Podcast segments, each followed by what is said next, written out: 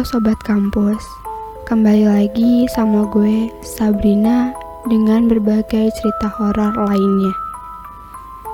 Kali ini gue bakalan ngelanjutin cerita dengan judul Teror Hantu Gentayangan Reni. Setelah ia dan temannya diobati di RS, mereka pun langsung pulang Krisna benar-benar kepikiran dengan mobil itu. Hingga akhirnya ia memutuskan untuk secepatnya bertemu dengan Kiai Muhi.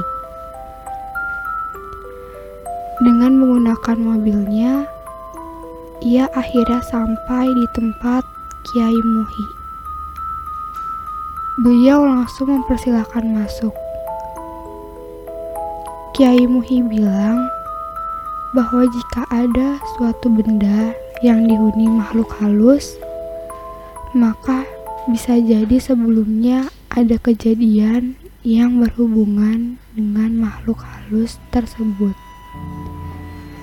Jadi ia disarankan untuk menemui pemilik mobil sebelumnya. Sebelum pulang, mereka pun diberikan beberapa botol air doa agar lebih tenang. Esok harinya, sepulang Krishna dari kerja, ia pun langsung menemui pemilik mobil ini sebelumnya. Sebut saja namanya Pak Yahya.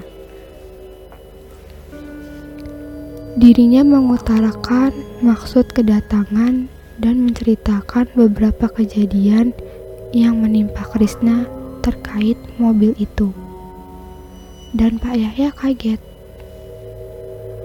Selama beliau memakai mobil itu, beliau tidak pernah merasakan atau menemui keanehan. Apalagi sampai melihat penampakan. Beliau juga tidak pernah berlaku dan berbuat sesuatu hal yang janggal terhadap mobilnya sampai pada akhirnya mobilnya dihuni makhluk halus tersebut. Karena tak menangkap kebohongan dari pernyataan Pak Yahya, Krista jadi buntu. Kenapa mobil yang dibelinya ada penunggunya? Setelah ngobrol panjang lebar, akhirnya ia pun pamit dan Pak Yahya memberikan saran kalau mobilnya harus diruat atau dibersihkan dari makhluk tak kasat mata. Seminggu setelah pertemuan dengan Pak Yahya, Krisna mendapat telepon dari orang bengkel. Katanya, karyawan bengkel di sana sering mendapati seorang wanita sedang duduk menggendong bayinya di jok belakang mobilnya. Mereka pada ketakutan dan baru sekarang ini mengalami kejadian seperti ini. Krisna pun langsung berkoordinasi dengan Pak Yahya agar proses ruat mobil ini dipercepat saja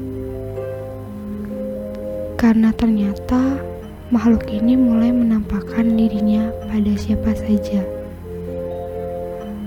Pak Yahya pun setuju.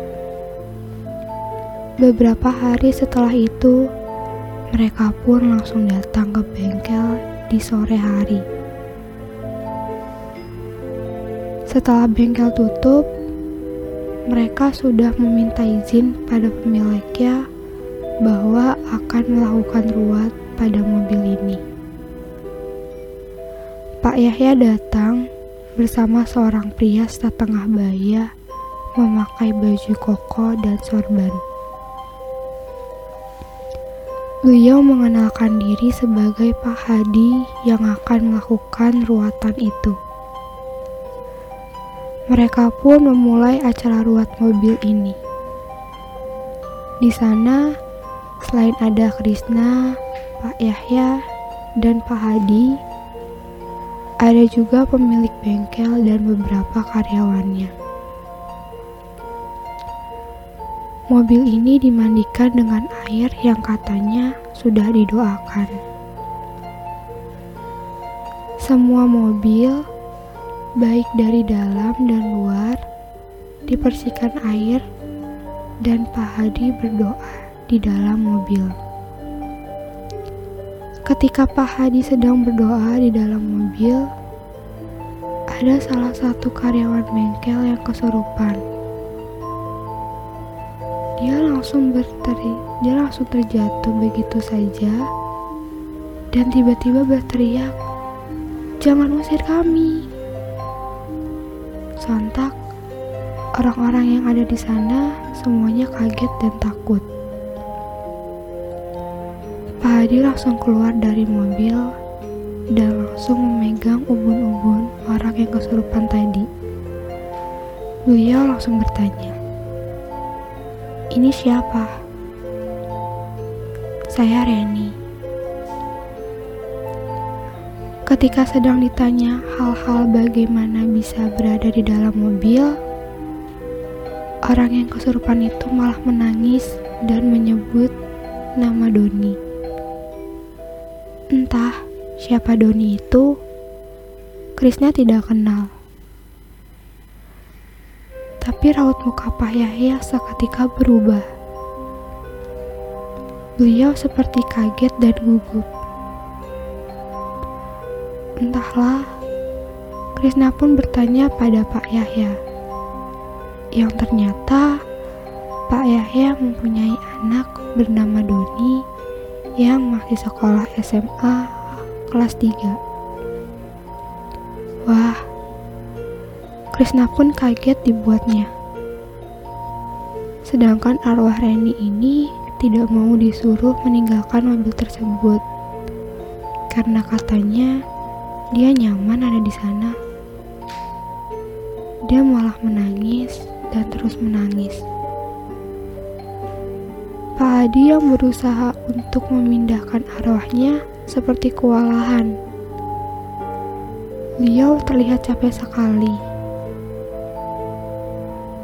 Krisna dan Pak Yahya akhirnya mengambil keputusan untuk mencari tahu dari Doni. Mungkin Doni tahu sesuatu seseorang yang bernama Reni.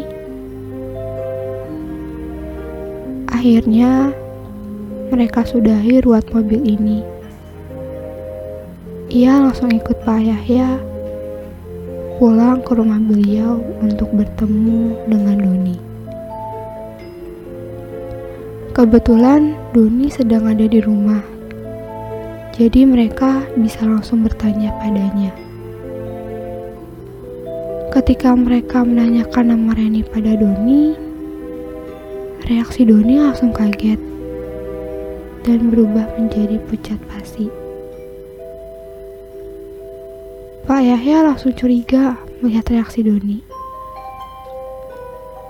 Krisna pun begitu. Jadi mereka mendesak Doni untuk menceritakan siapa Reni ini sebetulnya. Ternyata Reni ini adalah pacar Doni. Mereka sudah berpacaran cukup lama dan gaya pacaran mereka bukan hanya sekedar pacaran biasa. Pacaran mereka sudah melewati batas dan akhirnya Reni pun hamil. Awalnya Doni bersedia bertanggung jawab atas kehamilan Reni. Tapi Doni berjanji akan menikahi Reni jika sudah lulus ujian SMA.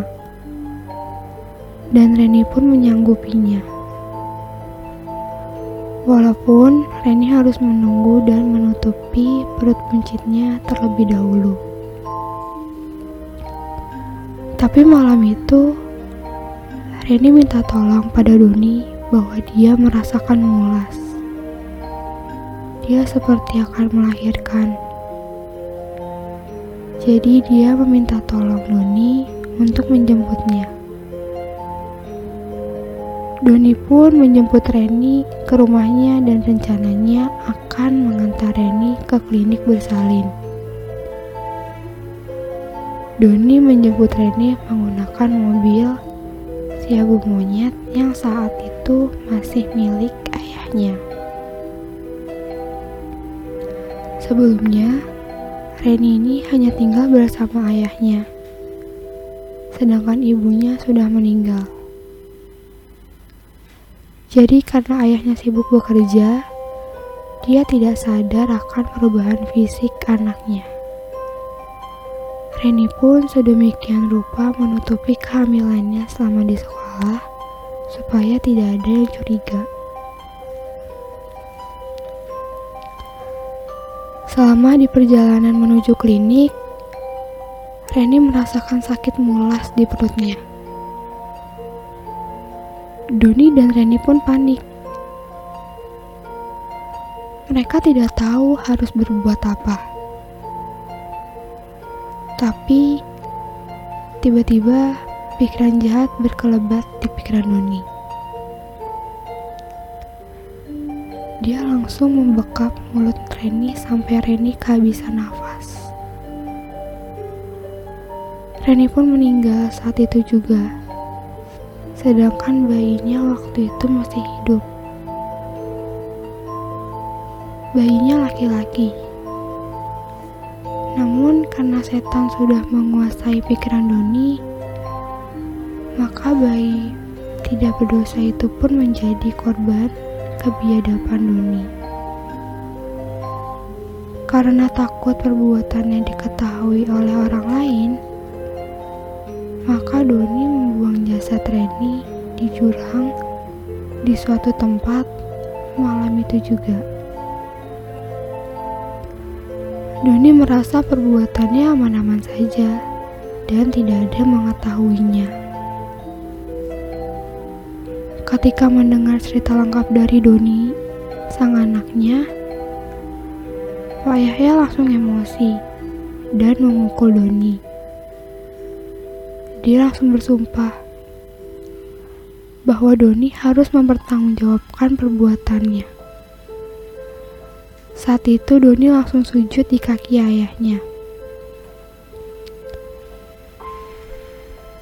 Doni mengaku salah dan hilaf. Krishna pun yang mendengarnya hanya bisa geleng-geleng kepala bahwa pergaulan anak muda zaman sekarang memang benar-benar sudah di luar batas. Mereka tidak memikirkan resiko atas perbuatan mereka. Pak Yahya pun mendesak Doni untuk menunjukkan di mana dia membuang jasad Reni. Keesokan harinya, setelah mereka laporan ke polsek terdekat dan ditemani beberapa anggota kepolisian, mereka langsung menuju jurang yang dimaksud oleh Doni. Ternyata jurang yang dimaksud Doni adalah jurang di mana tempat Krishna kecelakaan. Mungkin di kecelakaan Krishna kemarin, Reni ingin menunjukkan jasad dirinya padanya. Tapi waktu itu dia tidak melihat sekeliling ternyata. Jasad Reni ditemukan sudah membusuk saat itu juga beserta jasad bayinya yang dilahirkan. Mereka ditemukan tertutup daun-daun kering di pasar jurang. Untuk menutupi kesalahannya, dia melakukan kesalahan lain yang lebih fatal. Akhirnya Doni dipenjara untuk mempertanggungjawabkan perbuatannya. Sedangkan nasib mobil tersebut sampai saat ini masih dihuni oleh Reni.